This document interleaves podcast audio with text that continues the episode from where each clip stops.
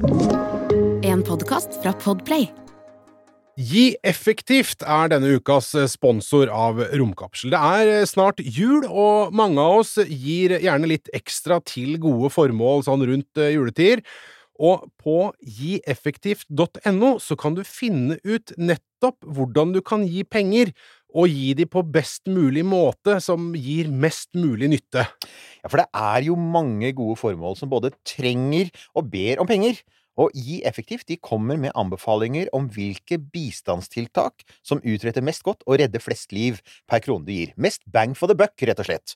Og anbefalingene de er basert på grundige og vitenskapelige analyser, og vitenskap, det liker vi her i Romkapsel. Ja, for det er, det er jo sånn at det, det, skjer jo mye skremmende og fælt i verden eh, for tida, og da kan man jo fort føle seg litt sånn hjelpeløs og lure veldig på hvordan man kan bidra til å hjelpe dem som har aller minst, og som trenger mest. Og så er det jo ofte sånn at eh, det som er mest tydelig, og som det snakkes mest om eh, på nyhetene og i media, kanskje ikke nødvendigvis er eh, der hvor nøden er størst, av de som trenger, eh, trenger mest, og hvor penga gjør mest nytte. Det er sant. Det er mye usynlig nød der ute i dag, og akkurat nå så anbefaler Gi effektivt å gi til tiltak som bekjemper malaria, gi vitamintilskudd til underernærte barn, og sørge for at flere spedbarn får livsviktige barnevaksiner. Gi effektivt er helt uavhengig og gir 100% av det du gir, videre til hjelpeorganisasjonene. På Gi effektivt kan du velge hvor mye du vil gi, endre faste donasjoner og selvfølgelig velge hvem du vil gi til. Ja, og så må vi jo ta med en sånn liten, sånn liten sånn fotnote for, eh, for oss da, rike nordmenn, at du får tilbake en god følelse og så får du skattefradrag på det beløpet du har eh, gitt. Så gå inn på gieffektivt.no og gi effektivt. Three, two, one. When lift off. One, two, three, four, five, five, four, three, two, one. Enter bed. Okay, we checked all four systems, and there you go on modulation, all four, and keying with a go. Quality base here. The Eagle has landed. La oss eh, bare, før vi setter i gang eh, med temaet, Eirik, eh, ta en liten sånn teaser. Mm. Og for å få det unna, for å irritere de som irriteres skal, og for å selvfølgelig showcase min vakre røst, så kan jeg være forsanger. Ja. Happy birthday to you, happy birthday to you. Happy birthday, dear NASA. Happy birthday to you. Der var det. Det er jo det vi skal prate om i. For eh, det handler om NASA i dag. Vår kjære, elskede, hatede, flotte og trege, gammelmodige og moderne og eh, helt fantastiske organisasjon som har gitt oss så mye frustrasjon, men også så uendelig mye glede. Jeg tror vi kan Det er veldig godt oppsummert. Det er akkurat det. NASA er altså 65 år. Uh, NASA fylte 65 den 1. oktober. Det var 1. oktober 1958 at um, uh, NASA offisielt ble opprettet med noe som da het uh, var det The National Air and Space Act. Det var noe som Kongressen vedtok tidligere på sommeren i 1958. Uh, og ja, altså en ting Vi kan si Vi har sagt det mange ganger om NASA før, vi får bare si det igjen. Uh, altså, Vi er jo ikke de eneste som feirer NASA. NASA har feira seg selv. Og det har også altså, veldig mange amerikanere på tvers av det politiske spekteret. For NASA er altså da en av de veldig få institusjonene som er igjen i USA, som så å si alle amerikanere liker. Ikke sant? Ja. Republikanere, demokrater, de liker NASA, og, og um, ja, og har, vi kommer tilbake til at det har vært en del kritikk av NASA, men sånn i all hovedsak så er det jo en ganske frisk 65-åring vi snakker om, da. De driver jo og sender av gårde sånne, der, sånne metallsonder til metal-asteroider. Uh, de gjør jo det! De er jo der fremdeles. De, de driver, Heavy metal in space. Ja, de skal ha laserkommunikasjon i rommet og sånn. Altså, når du hører det, så tenker Lasers and metal fire in the sky. oi, ja, oi, oi! oi, og der datt det ut en fast lytter, gitt. Power, power metal-låt uh, in the making der. Ja. Men uh, det, Lukter jo lettere når du går, sier vi til Ja. det, er, det, er, jo en del Andøya i monitor eh, i romkapsel for tiden, og det skal bli mer. Vi tar bare en liten sånn stikkom innom eh, NASA her. Føler at vi må, vi må, snakke om det før det på en måte er for sent, før jubileumsåret osv. er omme. Ikke sant. det ville bare være litt dumt. For vi har allerede liksom bæsja litt på leggen når det gjelder jubileumsår. Vi skulle jo ha snakket om eh, rakettskytefeltet på Andøya i det året da de fylte 60. Og, og så, det kommer, folkens, men det kommer da et år etter. Vi vil ikke gjøre det samme med NASA. Det er ingen kritikk av Andøya, det er bare at av og til somler vi. Ja. Men altså, først må vi bare liksom ta forhistorien her, for den er litt sånn interessant. Altså, NASA ble opprettet i 1958, men den ble jo ikke opprettet i tomme lufta. Altså, den ble opprettet på I vakuum? Nei. I vakuum? Ja, i vakuum. Mye bedre. Ja, ja, ja. ja. Uh, den ble jo opprettet på skal vi si, ruinen av, ikke egentlig, men ble opprettet med en gammel organisasjon som, som utgangspunkt, og det var da uh, National Advisory Committee for Aeronautics. Ja, det er NASA, men med C. Og jeg har, altså hvis du ser på gamle filmer, så ser jeg at, uh, at folk er litt sånn uh, De er litt sånn usikre. Det varierer litt hva de sier. Jeg tror ikke egentlig de sa 'nækka'. Altså, for det, det, C er jo ikke S, ikke sant? Så, så, det de ofte gjør, er at de bare sier sånn N-A-C-A, sier de, ikke sant? Ja. Um, det gøye akronymet hadde ikke festa seg enda. Altså, det, det, ikke sant? Det, og det skal de ha, da. Altså at i, i, i, prosessen med å opprette NASA, så var det noen smartinger som sa vi må faktisk ha en konsonant der som gjør at du kan uttale det. Fordi nå har vi da, siden 1915, som var da NACA ble opp, Vi kaller det for det, jeg syns det høres kult ut, jeg. Da NACA ble opprettet, så har man jo da drevet og stavet ut hele greia. Nå må vi ha noe som bare kan sies rett ut, sånn at man eh, slipper noe forvirring. Så den S-en var jo et genistrek, da. Allerede der så var liksom amerikanske PR-rådgivere tidlig ute og i tuppen av skoa. De har alltid vært gode på det, vet du. Ja, bra. Altså, det, det interessante med, med, med NACA, det er jo at de ble oppretta i 1915 egentlig litt av samme grunn som NASA. Alle veit jo at NASA ble til som sånn resultat av at russerne hadde skutt opp Sputnik, og amerikanerne liksom kjente på press av at oi, oh shit, er russerne blitt bedre enn oss i rommet? Vi trodde vi var best, ikke sant? Vi hadde jo de beste tyskerne, så hva i all verden var greia her? ja. ikke sant? Og, og, det var faktisk altså sånn i, i 1915. Altså, altså, eh, flyet ble jo det første praktiske motordrevne flyet. Nå sa jeg dette for å hindre, altså for å unngå sånne kommentarer. Ja, men det ble jo bygget dampdrevne fly. Ja, det ble det. Men det første praktiske motordrevne flyet, det var det Wright-brødrene som hadde i 1903. Ja, og USA Der har jeg vært, faktisk. Der hvor de oh, fløy eh, testfløy med dette flyet. Ja, ja. Spirit of St. Louis, eller et eller annet sånt. Ja, det er litt seinere. Det er Lindberg. Ja. ja, ja, sorry. Men, Wright men Flyer, ja. der har jeg vært ute på et sånt rart sted utafor vestkysten. Det var veldig vakkert der ute. Ja. Og der hadde de fritert fisk. Ja, det var det. Det var masse fisk. Alt var fritert. Ja, men altså, disse her to uh, brødrene som da var sykkelreparatører, spiste sikkert fisk etter at de hadde fløyet. Det vil jeg tro. Det vil jeg tro. Um, og USA tok jo altså, de, de, de, altså Det ble oppfunnet i USA. Og de tok føringen i noen år. altså Wright-brødrene Wright opprettet sitt, sitt, eget firma og begynte å selge Wright-fly.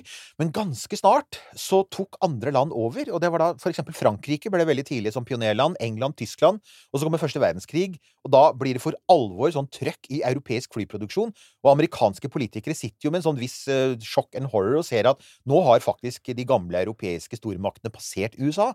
Og det er da de sier vi trenger vi trenger en egen organisasjon, en statlig organisasjon, som kan koordinere forskning på fly og, og flymotorer og sånn, hele sånn aeronautikk, altså hele denne vitenskapen rundt flygning, sånn at USA kan få tilbake den sånn ledende posisjonen de hadde. Det er veldig gøy da å se at når de bestemmer seg på en måte for å koordinere dette her og samle det og faktisk gjøre et trøkk, så, så, så, skjer det, så får de det til. Tenk hvis de hadde ja. gått inn i liksom, ting eh, i, i dagens, eh, med dagens utfordringer med samme iver og glød. Det er helt sant, altså. Og derfor, så er det, derfor så når man da mange peker på altså at ja, NASA er en suksess, men en viktig grunn til det er at NASA var bygd på en suksesshistorie. Altså NACA. Og altså etter krigen, etter annen verdenskrig, hvor altså forskningen til NACA hadde vist seg å være bra, USA hadde fikk etter hvert veldig bra fly, og ble etter hvert ledende på supersoniske fly, jagerfly, og fikk den ledende posisjonen de har innenfor flyteknologi nå. Så ble de også mer opptatt av rakett, rakettforskning. Da hadde liksom raketter dukket opp på dagsordenen takket være vår venn Werner von Braun og hans folk på Penemynde, som var blitt henta over til USA. Og, og, i dag så er ikke Werner bare en spøk. Han kommer flere ganger inn i historien, for han er viktig for denne fortellingen om NASA. Uh, og, og, da var det jo sånn at ja, uh, NACA hadde begynt å se på rakettdrevne fly for å komme fortere til uh, lydens hastighet, og de var veldig klar over at det ble drevet den mest intense rakettforskningen i USA ble drevet i Huntsville, Alabama. Der Werner von Braun og hans tyskere jobbet for det amerikanske forsvaret, for den amerikanske hæren, US Army. Så, så det, du var i en situasjon på 50-tallet hvor det liksom var flere rakettforskningsmiljøer. NACA som gjorde sin del, tyskerne i Huntsville, og så hadde du andre i andre deler av USA. Ja, vår venn uh, holdt vel på, han uh, med uh, JPL. ja, JPL. Han holdt jo på å ja, sprenge, ja, ja. sprenge, sprenge ting riktig, og greier. Ja, så. helt riktig. og ja, nemlig Jack Parsons. Parsons, ja, stemmer. Han holdt på Helt riktig, det var i den samme perioden hvor JPL holdt på med sine ting. Og, og dette var et problem, mente da det var, altså, Den klareste kritikeren av denne fragmenteringen, det var Werner von Braun. Han var jo på midten av 50-tallet blitt en stor kjendis i USA. Han samarbeidet med Walt Disney. Dere får bare høre på episoden vår om Werner. Så han, han var et nasjonalt navn. Og ikke minst, gå på uh, Disney pluss hvis du har den. Dette er ikke reklame for Disney pluss, men gå der og se de der gamle Technicolor-videoene av Werner von Braun Skriv. som ja. forklarer verdensrommet. Ja, det er altså det Animasjonene der, modellene, ah. tegningene og bare den derre fargekoloritten i disse filmene er jo fantastiske. Og når hele Onkel Werner kommer for å forklare verdensrommet det er, jo, det er jo, fantastisk. Og, og, ingenting er bedre enn den episoden om Mars, for der har de da sluppet noen animatører løs, og de har røyka noe, altså. Der har det gått i sokk og, i sopp og sokker hele i, i ukevis, for de har laget noen vanvittig kule Mars-vesener. Uh, så, så, absolutt, gå til Disney Pluss, se det. Da får du også et inntrykk av hvor stor han var. Og altså, igjen, alle amerikanere så på Disney-TV på 50-tallet. Så når, når, han gikk på som en sånn vennlig Altså denne tidligere krigsforbryteren gikk på og forklarte og, og liksom sånn Ti år siden, ja. slaveleire. Ja. Ti år seinere, ja. Disney-mannen, ikke sant? Men når han da går på, så hører, lytter amerikanere, og det han gikk ut og sa, var fordi amerikansk romforskning er så dårlig koordinert, og fordi at de hadde begynt å høre rykter om at Russland var begynt å, å, å liksom fokusere på å få en svær rakett, så var, var, han redd for at russerne ville komme først. Så allerede i 55 så sier han at hvis vi får pengene, så kan vi få opp en rakett i 56, eh, og da slår vi russerne. For at så langt er ikke russerne kommet. Det, det, prosjektet det ble møtt med en kald skulder, blant annet fra presidenten, eh, Dwight D. Eisenhower. Og da får jeg bare minne om at Dwight D. Eisenhower han var jo da sjef for de allierte styrkene på vestfronten under annen verdenskrig. Så han, han hadde et kjølig forhold til tyskere. så, så han, han, det, han, ga ofte uttrykk for at han ikke likte at det var så stor tysk dominans i amerikansk romforskning. Så det var en av grunnene til at von Braun ikke fikk fullt trøkk bak denne planen. Og det ja. kan jeg jo forstå. Jeg kan jo skjønne den skepsisen, for det er jo noe paradoksalt med at måte, lederen innenfor Altså, nei, ikke amerikansk, men led, den ledende organisasjonen innen global romfart mm -hmm.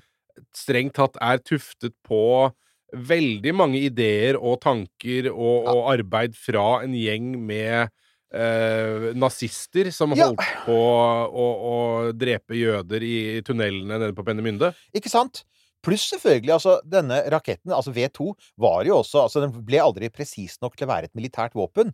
Hadde man lykkes med å øke presisjonen, som jo var en ting som von Braun jobbet med, så ville, ville de jo ha forsøkt å skyte mot Eisenhowers hovedkvarter. Så von Braun ville jo, hvis han hadde hatt anledning, forsøkt å drepe Eisenhower. På den annen side, hvis Eisenhower hadde hatt muligheten, så ville han også forsøkt å drepe von Braun. Så man kan skjønne at det der, det der kanskje kan var Kan vi tro at glasståstykket er et spill, men noe vi kan Ja. Folkens, dette er bonusepisode. og så var det en ting til, selvfølgelig, og det er en sånn ting som, vi, uh, som ikke kom forbi, og det er at på den tiden, midten av 1915-tallet, så har begge supermaktene har atomvåpen. USA leder fremdeles i antall våpen, men Russland holder på å liksom bygges opp. Men den store forskjellen er at mens USA har lett tilgang til Sovjetunionen via militærbaser i Europa, så har ikke egentlig Sovjetunionen noen enkel måte å nå USA på. De kan jo selvfølgelig bruke mellomdistanseraketter basert på V2 til å bombe europeiske hovedsteder, men de kan ikke nå USA. Den eneste måten sovjeterne kan slå tilbake mot et amerikansk atomangrep, eller ha et førsteslag, er å fly over Nordpolen, og da skal de fly altså en svær flåte med sånn treige russiske Bear propellfly over Canada, Alaska og Canada. De, de, når jo aldri fram. De blir jo skutt ned lenge før. Dette vet russerne. Dette vet også Eisenhower. Så han føler ikke at det er noe sånn der hast med å bygge en stor rakett. Nei. For de har på en måte kontroll på russerne. Russerne derimot, de føler jo dette, for de veit at de trenger en rakett som kan fly til USA. Skal aldri kimse av uh, måte, the sense of urgency som dukker opp når ja. det er snakk om krigsmateriell. Ikke sant. Ja. Og, det, og, og, krigsmateriell driver jo den tidlige romfarten, og det er da, liksom, da vi kommer tilbake til dem igjen, at, at ja, uh, det, det, er det mange som peker på, at det tok litt tid før NASA NASA kunne fort ha vært opprettet noen år tidligere. Hadde det ikke vært for at USA på det tidspunktet hadde en president som egentlig var litt sånn Han var ganske chill på dette. Han så ikke på dette som veldig, en stor fare, og heller ikke på dette som et veldig viktig forskningsområde. Men så kommer det, da I, i 1957-58 så kommer da det som heter eh, Det internasjonale geofysiske året, som er et forsøk på å få supermaktene og massevis av andre land til å samarbeide om Arktis og Antarktis og nordlyset, altså typisk norske forskningsområder. Norge var også involvert. IGY kalles også International Geophysical Year. Og, i løpet av, og, begge supermaktene sier at i løpet av 1957-58 så vil de også forsøke å skyte opp en satellitt for å utforske det nære verdensrommet, og utforske nordlyset og magnetfelter og slike ting. Så begge land har varslet om det, og det er da, det er, det er da Sputnik kommer. Det er, da, altså det er, da, i oktober 1957 så skyter Russland opp Sputnik 1, og like etterpå skyter de opp Sputnik 2 med Laika om bord. Og da har de egentlig signalisert at vi skal jo ikke bare skyte opp satellitter, vi skal skyte opp folk.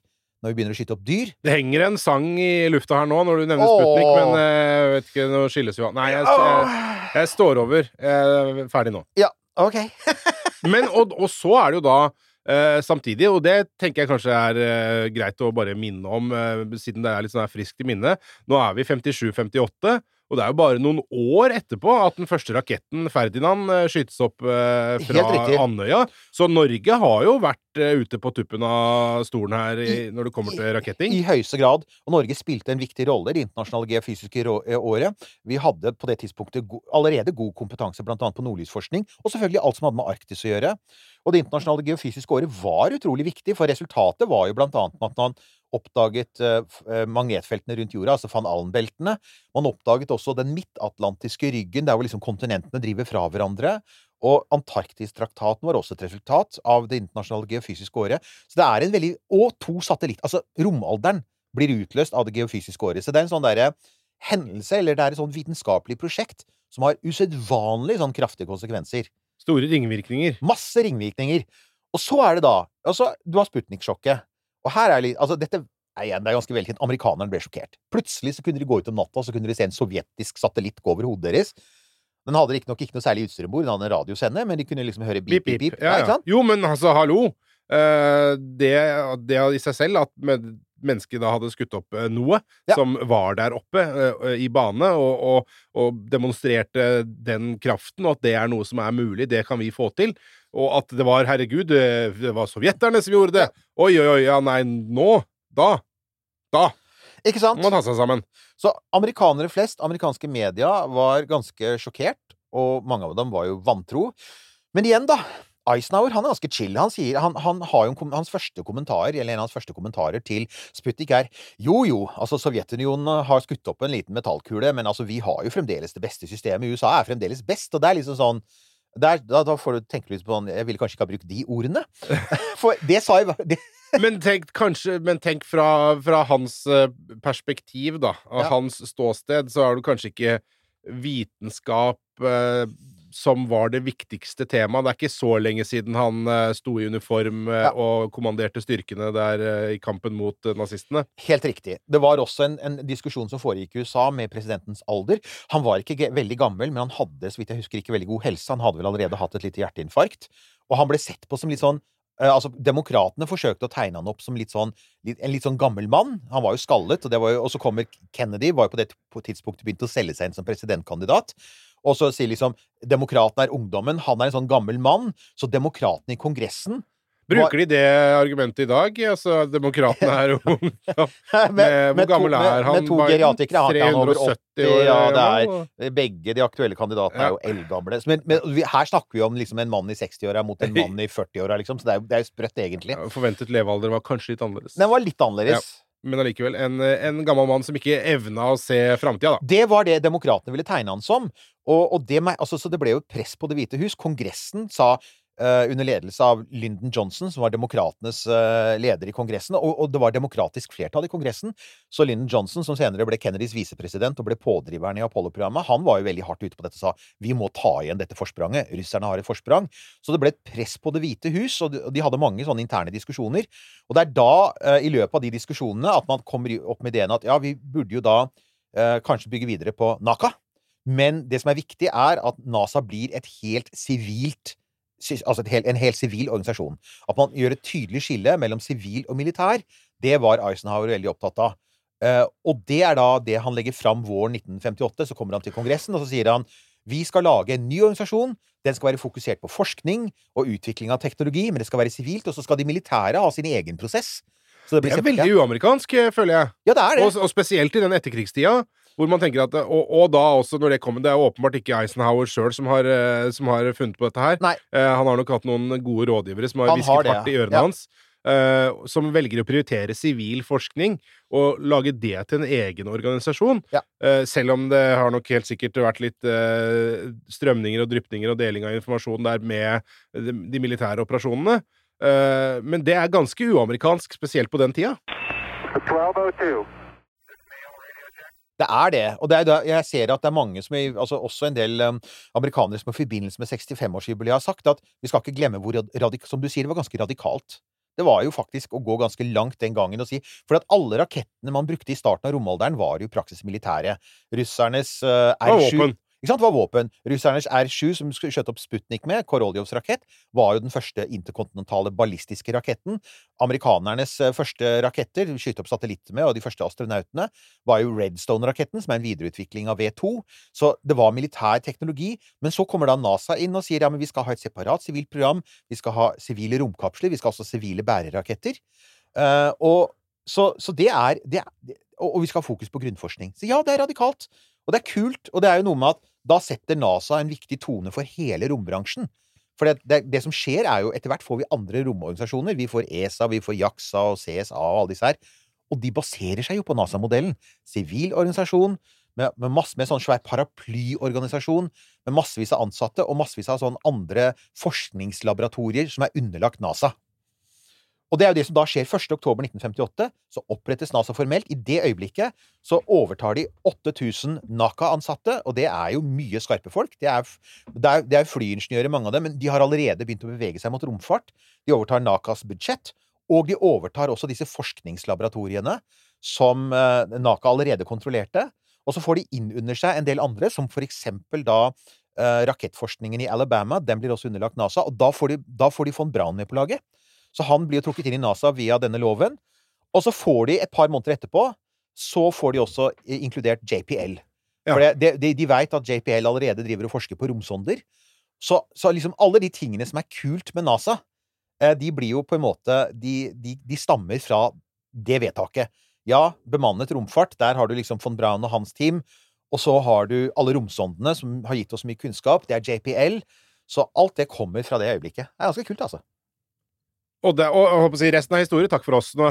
Nei, ikke egentlig. Altså, det er et par andre artige ting. da. Altså, Den loven var ganske, den var ganske sånn inngripende. For eksempel så får jo altså uh, um, National Aeronautics and Space Act gir også NASA et, i praksis et monopol på transport av folk opp i rommet.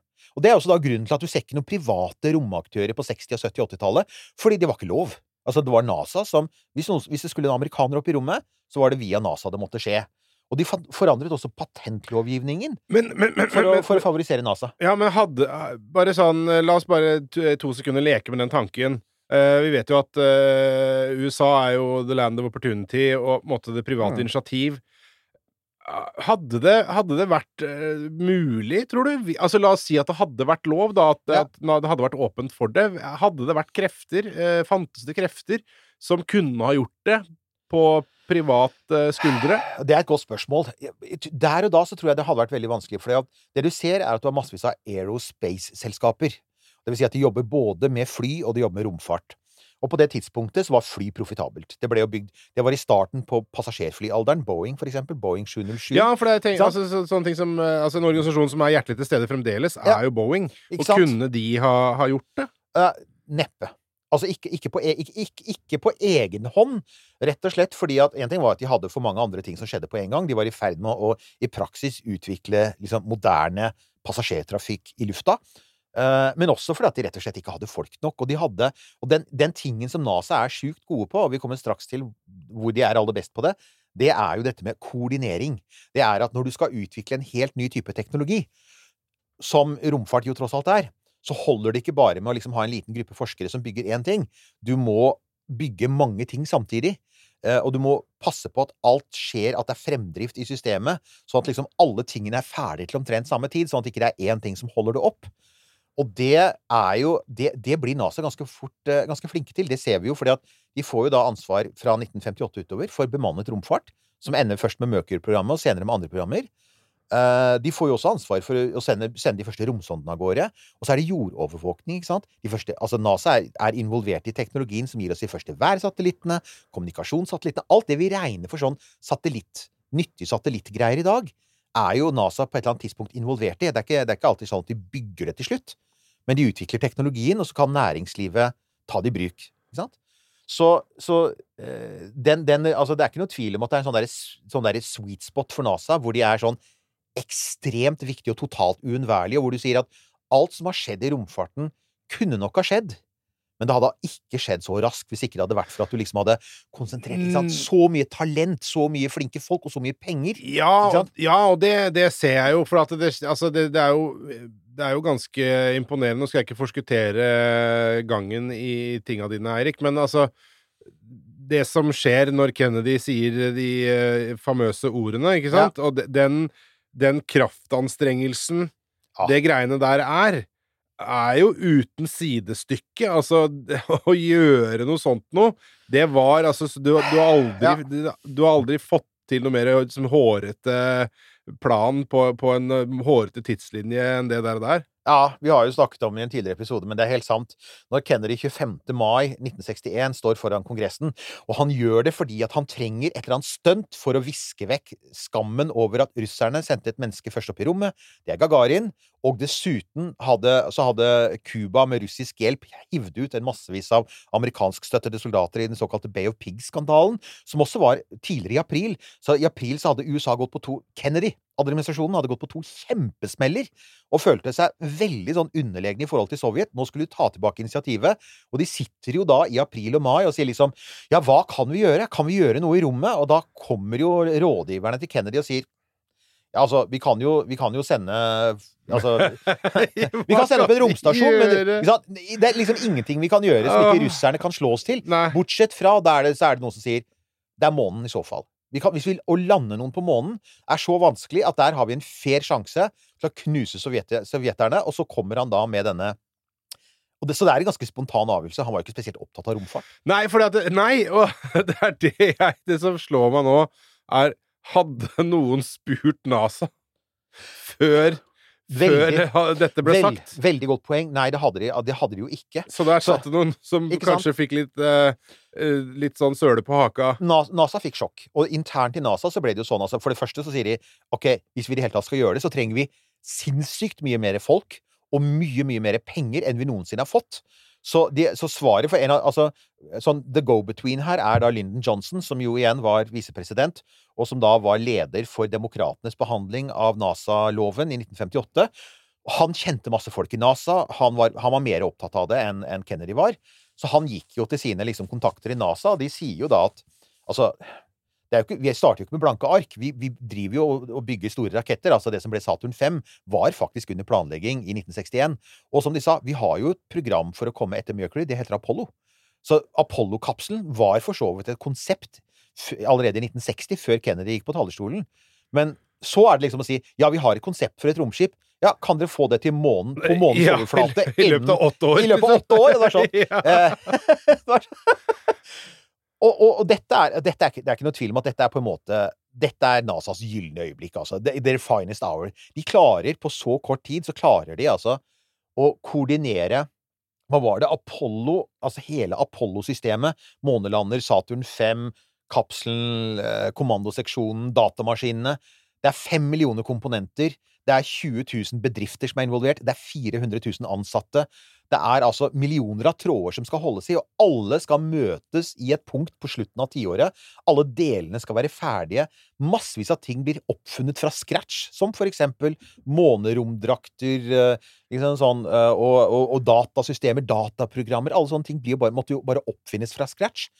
Og da har du den derre at NASA sitter på toppen, og så kan de på en måte gi penger til noen av de beste forskerne i USA på et lite universitet langt ute i Midtvesten, ikke sant, og så kan de komme tilbake og si Over hele Midtvesten, det har vi jo snakket om før med disse her rare NASA, altså romfartsmuseene, da vi snakket om det den, ja, ja, ja. den sommeren vi snakket om det, så var vi vel innom et par sånne, altså Langt ute i, i, i, Midtvesten så kan du plutselig finne sånn Ja, her har vi et lokalt NASA-museum. For at vi lagde liksom sånn Den bryteren som var til den datamaskinen som gjorde det Ikke sant?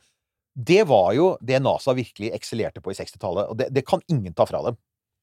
Nei, og da, da, der har du jo Altså, det koker jo ned til noe så kjedelig som prosjektledelse. Det gjør det, og derfor er det jo mange som har påpekt, og ikke minst de som da har skrevet romhistorie de siste tiårene, sier jo det. Vi vet nå at sovjeterne også prøvde å komme seg til månen. Og, og det, det, handlet ikke om mangel på gode ingeniører. Det handlet ikke om mangel på, på arbeidskraft. De hadde dyktige ingeniører, de hadde dyktige altså, matematikere Helt altså på alle nivåer. Fra liksom sånn de som bygde rakettene, opp til toppen. ikke sant? Ja, og så vet vi jo at uh, er, skal du få noe gjort, så lønner det seg jo da sånn Sett bort fra NASA, så lønner det seg å gjøre det et diktatur. Det gjør det. Problemet med Sovjetunionen var jo ironisk nok at du tenkte at det var jo en plan, planøkonomi toppstyrt. Så, så, der måtte de jo da ha koll på dette. De måtte jo da liksom ha én organisasjon. Men i Sovjetunionen så hadde man da funnet ut at for å erstatte De hadde jo ikke noe privat næringsliv. Så for å erstatte disse store aerospace-selskapene som USA hadde, Grumman, McDonald Douglas, uh, Boeing, North American, alle disse, så hadde man det som het designbyråer, som vi har snakket litt om før, som var da svære forskningsorganisasjoner, og med liksom mulighet til å få produsert, til å sette ut ting på anbud, ledet av ledende romdesignere, og en av dem var da Koroljov, en annen var, het Glushko, og de hadde sine egne Men disse designbyråene konkurrerte ikke bare med hverandre, men de konspirerte med hverandre. Og, og det gikk jo da til partiledelsen i kommunistpartiet, og, og, noen ganger så var det liksom, så hørte man på Koroljov, og noen ganger hørte man på en annen. Så det gjorde at Sovjetunionen hadde jo på et tidspunkt sånn som tre forskjellige månerakettprosjekter. Det er jo absurd. Ja. Allerede da så begynte de på en måte å bygge kjølene på en del sånne oligarkyachter, eh, kanskje? De, de, gjorde det, altså. Det var veldig mye sånn uformelle nettverk, og det, var jo, det er jo en sånn ting som igjen tross alt, da. Altså, ja, det var mye sånn offentlig-privat samarbeid i NASA, men alt foregikk jo Alt var jo offentlig. Alle anbud var offentlige. Det var, det, det var regulert av en lov. Kongressen hadde stadig vekk høringer. Gjennom hele 60-tallet så følger jo Kongressens uh, komiteer som har ansvar for romfart, følger jo Apollo-programmet. Ja, når NASA, har, når NASA, har, overskridelser, og de bruker veldig mye penger Kost pluss. Kost, ja, så, så, så, blir det kritikk av det. Det er jo ikke sånn at alle bare sier 'Å, ah, vi skal til månen'. Nei, nei. Det blir kritikk av det. Noen ganger så havner NASA i, i hardt vær på grunn av at de, de, man føler at de sløser med penger. De stoppet jo nesten prosjektet etter Apollo 1-ulykken. Det var jo igjen det. sånn som ja. Kongressen satte nesten ned foten. Uh, og det er jo altså, Så det var jo egentlig astronautene selv som ba pent om at man måtte fullføre prosjektet, som reddet Apollo på det tidspunktet, fordi Kongressen liksom var klar til å sette stopp. Mm. Så det var jo hele tiden På den måten var det hele tiden en demokratisk prosess. Men, men, men når man ser Altså, hvis man skal være litt slem, da, ja. så kan man kalle hele månelandingen av Apollo-programmet, altså i hvert fall fram til 11, for eh, en sånn eh, tissekonkurranse. Det det. Og, og, et symbolprosjekt ja, ja. uh, mer enn noe annet. Det må vi jo si, for vi har jo altså, vi, altså, etter Apollo 17 har vi jo ikke dratt tilbake. Ikke Nei, det, for det var dit jeg ville. Altså, det er litt sånn etter Apollo 17 og alle de penga som ble brukt til å få dette til, så blir det litt sånn eh, Altså, ja. det amerikanske folket mister jo interesse Veldig Lenge tidlig. før Apollo 17. Det, du ser det tydelig i Apollo 13-filmen. Igjen fremdeles uh, en av mine favorittfilmer, en av våre favorittfilmer om hele dette. Der vises det veldig tydelig at allerede på Apollo 13, det er altså to ferder etter den første, så, så er amerikanerne så uinteresserte at når man, da de liksom skal vise fram vektløshet og demonstrere hvor gøy det er i rommet, så er det sånn Jo, nei, uh, dette her har vi bare kansellert til fordel for gameshow, ikke sant? Omtrent. Ja. Så du har, du har, helt rett. I, i 19... I 19 altså, eh, NAS Altså Sånn Støtten til NASA topper seg liksom sommeren 1969 med månelandingen. Allerede høsten 1969 så kan du se på meningsmålingene at folk er slitne av det hele. Ok, vi slo russerne. Ok, det kommer flere månelandinger. Da var folk begynt å bli opptatt av også Vietnamkrigen. Økonomisk krise var også en del av, av bildet da. Men uansett så var amerikanere gått litt sånn de hadde fått litt sånn NASA-fatigue. For hele 60-tallet hadde jo handlet om ja, alt det fantastiske NASA gjorde. Ja, det var Mercury, det var Gemini, det var stadig nye tester, og du hadde alle disse heltene, og du hadde The Mercury Seven, ikke sant, og så hadde du liksom de neste astronautene, og, og de var nasjonale helter, og det var massevis av space-serier, det var Star Trek og masse annet, filmer. Så folk var litt overmette på space. Så 70-tallet var jo, det har vi jo også snakket om tidligere, var litt sånn nedtur for romfarten. For det er sånn Ja, du får Skylab, og så skrinlegger du Apollo, så blir det et langt opphold i bemannet romfart. Og det er veldig få amerikanere som protesterer på det. Det er liksom sånn OK, vi får romferja på et eller annet tidspunkt, og det er fine, men, men det er liksom Amerikanerne går ikke i gatene og sier vi savner å se astronauthelter i rommet, for at man, man så rett og slett ikke helt poenget, ikke sant? Ja. Nei, men kanskje det også ble Altså, jo, også Ja, ja, jeg skjønner det. Så kommer ja, det er litt seinere på 80-tallet, selvfølgelig, at det blir litt sånn mer trøblete i økonomien og sånne ting. Men, men eh, man kan jo lett stille spørsmålstegn ved de økonomiske prioriteringene ja. og sånne ting. Det er, koster jo Vi vet jo at space is hard, og det koster fryktelig mye penger. Ja. Um, og at Ja, Skylab uh, Skylab er gøy, men det var sånn det, begrensa med oppmerksomhet Skylab fikk. Det var det, og så var det jo også at på det tidspunktet var det såpass tidlig, sånn at mye av den forskningen som ble gjort, var jo ikke egentlig direkte relevant for jorda. I Nei. dag gjør man mye mer forskning i romstasjonen som er direkte relevant for jorda, man, og man, man, man, fokuserer mye av forskningen i vektløshet på for eksempel medisin, medisinsk utstyr, jordovervåkning. Så, så, den der litt sånn stuntpregete NASA gjør spektakulære ting i rommet, den gikk folk litt lei av. Og så kommer romferja, og da kommer jo også NASA inn i en sånn ny fase. Romferja er enormt ressurskrevende. Så man må slutte med Apollo, rett og slett fordi Og Skylab må man la falle ned og brenne opp, fordi man har ikke penger. Og, og romferja blir mye dyrere enn man hadde trodd, og det er jo fordi at romferia sånn som den var tenkt, var et utrolig radikalt konsept. Ja, og hvis, man kan, hvis du tenker på det, da, så, så kan man jo si at uh, Igjen, hvis man skal være ekstra slem, da, så ja. kan man jo si at romferja var jo en fiasko uh, som sådan. Altså, den, ja. den Fryktelig mye dyrere. Uh, og underleverte på en måte det som var intensjonen ja. med romferja. Helt klart. Og en, en, viktig del av det var jo at, at det man forsøkte å gjøre, var i, var i praksis ikke teknologisk mulig på 70-tallet. Og det var å skape et gjenbrukbart romfartøy. Det var målet. Hadde man lyktes med det, så hadde jo historien sett helt annerledes ut. Definitivt. I ettertid så ser vi at ok, det var, det var antagelig ikke mulig med datidens teknologi. Men altså, tanken, tanken, var jo god, og det er jo Altså, i utgangspunktet så er det NASA på sitt beste. For hva sier man? Vi har den største triumfen noensinne. Apollo har tatt oss til månen. Nå hiver vi det systemet, og så begynner vi på noe radikalt nytt. ja. en, en, type romfartøy ingen hadde sett før i historien. Uh, det er jo interessant, da, for det trekker jo litt på sånn NACA-delen og aerospace-delen, for de bygger jo et romfly. Ja. Så de fikk jo veldig god nytte for NASA. Det må vi ikke glemme. NASA driver massevis med, med forskning på, på, flyteknikk også. Det gjør de jo til, til, denne dag, så vi må ikke glemme det. Men vi snakker om space, så det er liksom ikke det vi fokuserer på. Men der er det jo sånn at liksom, de to delene av NASA møtes. Man, man, har fly, folk som forsker på fly og aeronautikk, og så har du folk som forsker på, på, på space. Og så møtes de i romferja, og så er konseptet i utgangspunktet Jeg husker jo det, for jeg var der jo, så jeg husker at folk var veldig sånn positive. Sånn, ja, Tenk om vi kan få til det! Én til to oppskytinger i uka, gjenbrukbart. Tar av som en rakett, lander som et fly, fyller på, flyr opp igjen, setter inn moduler med passasjerer. Ja, altså, vi kan komme oss til Mars, vi trenger ikke å bygge en kjemperakett, vi bare sender opp ti romferjer, så setter vi det sammen i bane, ikke sant? Ja. Det var tanken. Ja, hadde det funka sånn! Hadde det funka sånn, så så istedenfor går jo da NASA på det som helt klart er deres aller største smell. Det er det ikke noen tvil om. Romferja er, er det som liksom som gir NASA mest Av alle prosjekter så er det det som har gitt dem flest problemer. Både fordi at det var to kraftige ulykker, men fordi det var så dyrt. Det slukte massevis av ressurser, og du ser det jo fordi at det er i denne perioden at NASA begynner å bli flinke på å sende sonder ut i rommet. Ja. NASA begynner å utforske Mars på 70-tallet. De sender Mariner-sondene, de sender Viking, som vi har snakket om, Viking 1 og 2. Og så stopper Mars. Det blir jo ikke mer Mars på 20 år, ikke sant? Og det, det, det skorter jo ikke på viljen, men det skorter på ressursene. Fordi igjen, altså, romferja blir etter hvert litt sånn, sånn altoppslukende. Det samme så sender de Voyager-sondene, som også kanskje er deres aller beste sonde. Eh, altså de viktigste sondene de sender, sender de av gårde i 77. Men igjen, det tar mange, mange mange år før du følger opp det Voyager gjør. Ja. Og mye av det har å gjøre med at liksom NASA bruker 80-tallet på å prøve å få romferja til å funke. ikke sant? De prøver liksom å, å ja, det, det, er liksom som å ta en sånn der firkanta plugg og forsøke å dytte den i et rundt hull, ikke sant? 1202 det her kommer til å høres litt fælt ut, eh, men da kan man nesten påstå at eh, de eh, ulykkene med romferja Ja. var en slags eh, Om ikke velsignelse, så en, en, en fin Og misforstå meg rett her, folkens.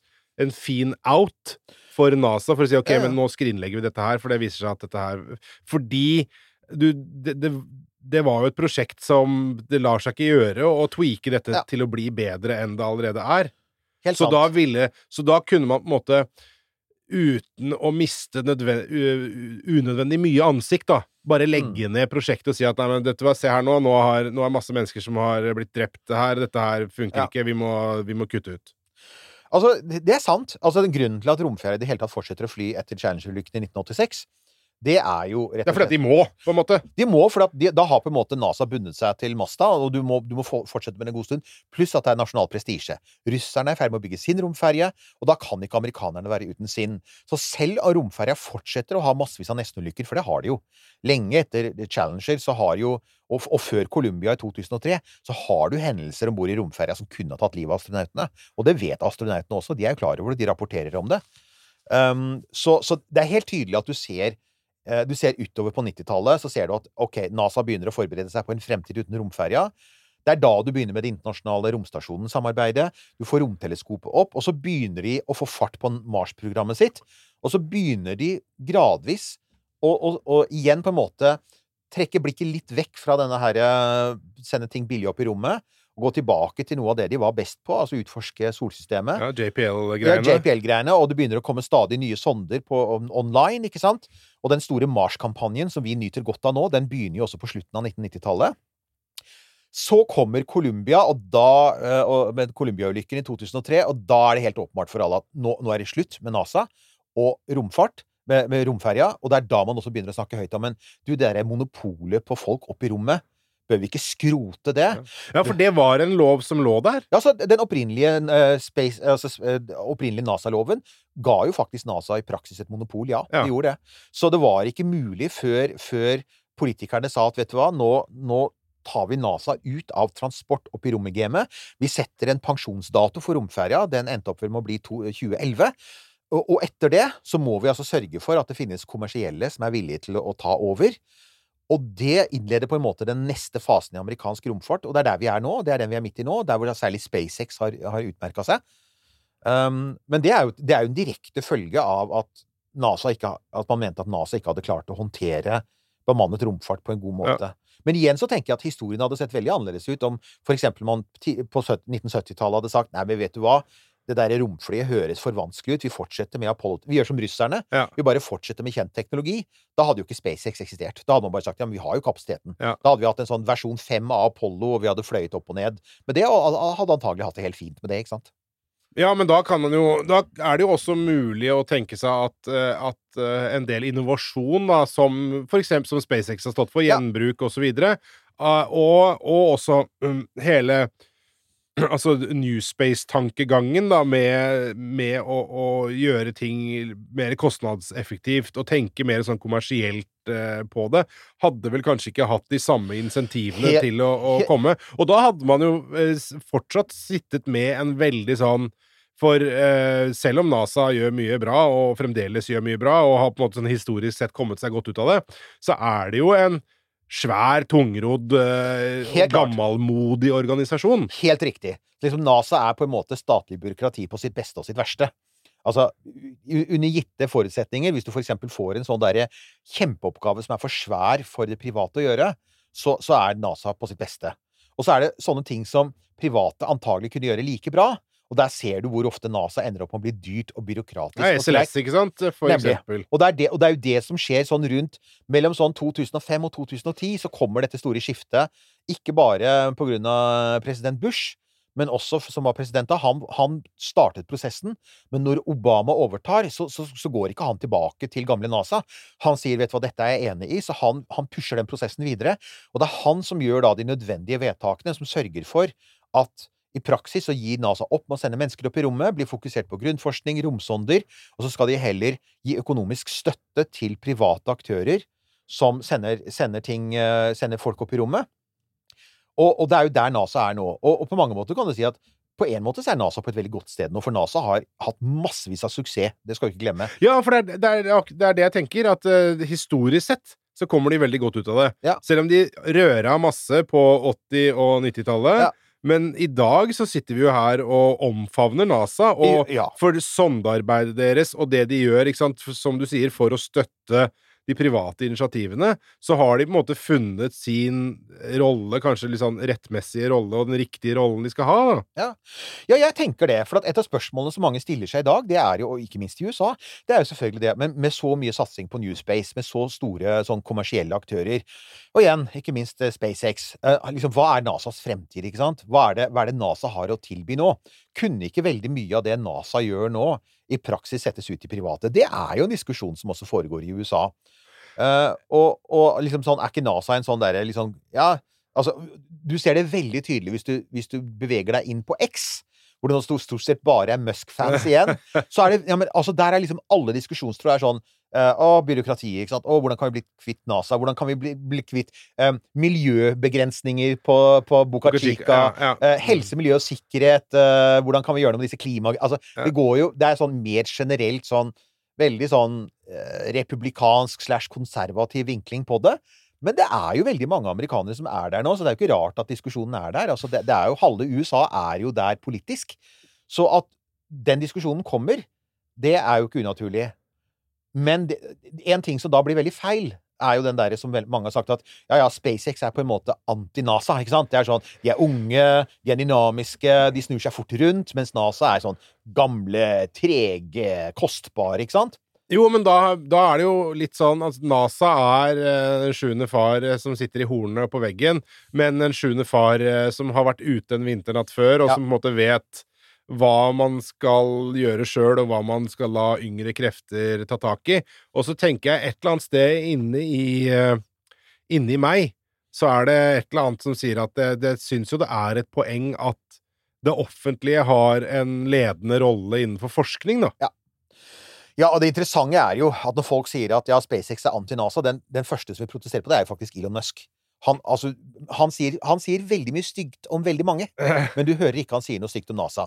Litt handler om å ikke bite hånden som mater deg, fordi at NASA har et, gjennom åra gitt noe sånt som mellom 5 og 6 milliarder dollar til SpaceX, og er årsaken til at SpaceX fins. Uten NASA-bevilgninger så hadde SpaceX ikke eksistert nå. Det er han veldig klar på, men det er emosjonelt òg, altså. For at når var det? Det var sånn rundt 2010-2011 eller sånt. Så hadde, hadde, man Da var jo Newspace i gang. Da hadde, hadde Obamas eh, En kommisjon som arbeider for Obama, Augustin-kommisjonen, hadde foreslått å legge ned NASAs daværende måneprogram.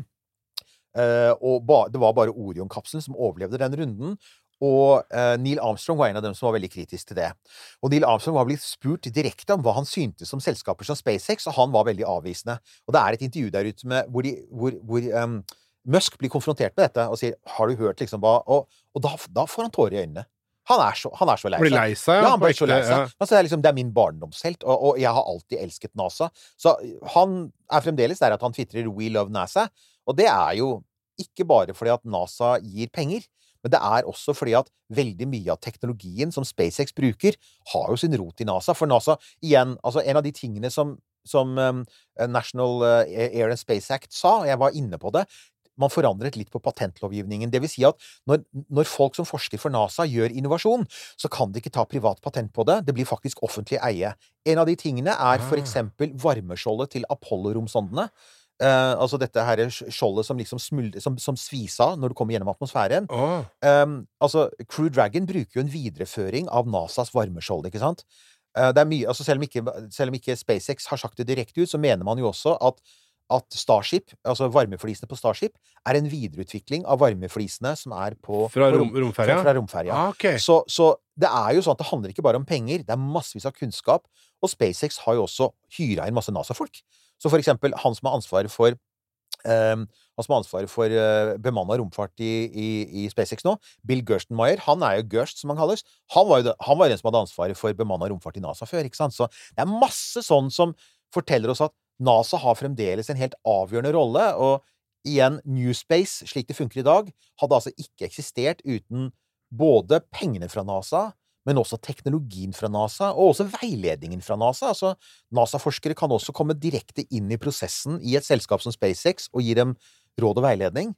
Så jo, på det punktet er jo NASA fremdeles helt uunnværlige. Det ingen, altså, hvor skulle SpaceX ellers gått, da? Da de eksempel holdt på å gå tom for penger jula 2008. Det der, ikke sant? Ikke sant? Der hvor, hvor, Elon har stort sett brukt opp alle penga han fikk på PayPal. På test, han, han, startet bil... Altså, han kjøpte seg i Tesla samtidig. Så han, liksom, han skulle ha bilfabrikk og romselskap samtidig for 100 millioner dollar. og der, du ser med en altså jeg, altså jeg, driver ikke romselskap eller eier ikke bilfabrikk, men også jeg ser at Hva? men, Ikke sant? Sjokk. Men, uh, men, også jeg ser jo at 100 millioner dollar Det er litt snaut! Og så, ja. så, hadde han litt investormidler, men de begynte jo å tørke inn etter hvert som folk så at ja, men her skjer det jo ikke noe. Nei. Her har vi hatt tre raketter som har gått i stykker under oppskyting, og, og fyren er i ferd med å gå tom for penger, og så kommer NASA og sier 1,6 milliarder dollar, min gode mann, du skal få lov til å bygge Falcon 9, og han liksom bare ah, vi er redda. Du må jo være glad i de, da. Du er litt glad i dem, og så seinere kom det 3 milliarder til månelandingsfartøyet. Ja, ja, det er en annen historie. Plus, ja, pluss til mye annet. Så, så, så, det er nå én ting med at de betaler mye av regninga, men det andre, det er NASA er fremdeles liksom best i USA, og antagelig også best i verden, på igjen sånne svære, kompliserte, langsiktige prosjekter. Altså, vi har jo snakket en del om Artemis, måneprosjektet. Og vi har ikke alltid vært like snille med det. Nei. Det er LSS. Ja. SLS. Men, men, altså, det skal NASA ha. De har en plan, ikke sant? Du kan kalle planen dyr og komplisert, men de har en plan, stegvis. De skal sende rovere, private rovere skal utforske Sydpolen på månen, de skal eh, sende noen folk til å lande der, så skal de sende base, de skal ha en romstasjon i bane, jeg tror ikke det er en god idé, men det er en del av planen, den skal etterfylle brennstoff, alle slike ting. De har det. Og ikke bare det, men de har fått med seg masse samarbeidspartnere. De har massevis av hundrevis av firmaer, og så har de det som heter De samarbeider med ESA og med JAXA og med Canadas eh, NASA. Og så har de det som heter The Artemis Accord, som er en internasjonalt avtaleverk hvor eksterne partnere kan signe opp, land kan signe opp, så du, mange land i Gulfen for eksempel, men også andre land, land i Øst-Europa, som har signa seg på Artemis Accords. Så NASA har bygd en bred allianse og har en svær og komplisert plan, og, også, og har også en oversikt over hva det vil koste. Ja, og der tror jeg um, at det er Altså at det må en offentlig stor organisasjon til for å ha en sånn Jeg lagde et uh, ord oppi hodet mitt. Ja. Organisatorisk tålmodighet. eh, det der er et til veldig Til å, veldig. holde i sånne ting som det der. Jeg tror ja. ikke at på en måte staminaen og, og ja. måte, eh, langsiktigheten eh, vil være god nok i et privat startup, altså. Det kan vi si. ikke sant? Altså, for Sammenligner du Artemis, som altså er å få oss til månen, sammenligner du det med Mars-programmet til Elon Musk, som jo faktisk fremdeles handler om å få folk til, månen i samme tids, folk til Mars i samme tidsrom som NASA vil ha folk til månen, sånn rundt 2030. Ja. Det er fremdeles det de sier. Så kan jeg si at Altså, det er, det, er, det, er, det er, Du kan ikke sammenligne det i hele tatt. Det du har, er en røff plan for å bygge en rakett som ennå ikke har lykkes med å skytes opp når vi lager dette. Det er det vi har. Det, de, vi, altså, jeg vet at SpaceX har snakket om å samarbeide med andre om å kanskje lage mer av teknologien du trenger på Mars. Uh, har ikke hørt noen ting om at det samarbeidet har gått videre. Har ikke hørt noe om noen firmaer som samarbeider. Det er ikke noe internasjonalt samarbeid. Det er ikke noe samarbeid internt i USA. Så med andre ord um, Når du liksom sier ja, de skal til Mars Ja, vi vet hva som kreves. Altså, vi vet litt om hva som kreves for å dra til Mars. Kreves brennstoffanlegg, energiproduksjon, habitater, alle disse tingene her. ikke sant? Det kreves masse. Men, men hvor er det? Hvor er planene for det, ikke sant? Og hver gang du hører SpaceX snakke om det, så kommer de alltid tilbake til raketten, og så viser de en vid, sånn sånn datagrafikk av den raketten som flyr til Mars, og så lander den, og så er alt klart på Mars.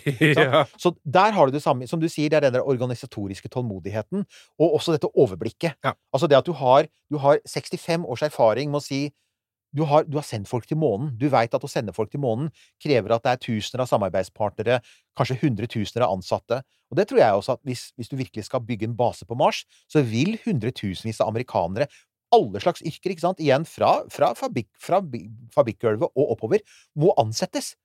Men hvem skal gjøre det? Og hvor er de planene? Og det ser vi ikke. Og det er jo det som jeg, gjør at jeg har veldig liten tro på at man kommer til Mars i det tidsrommet.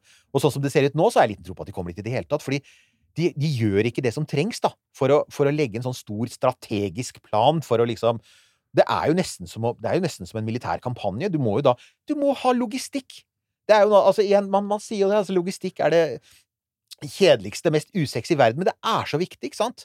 Det er sånn, Ingen liker å snakke om det, ingen liker å tenke på det, men, men ingen her kan bevege seg framover, og ikke noe stort offentlig prosjekt klarer seg uten at du har sørget for at alle gjør det de skal, og at alle får den lønna de skal ha, og alle får den maten de trenger, og ressursene de skal ha. Det arbeidet der, det kan NASA. Det arbeidet der er det ingenting som tyder på at SpaceX egentlig har koll på.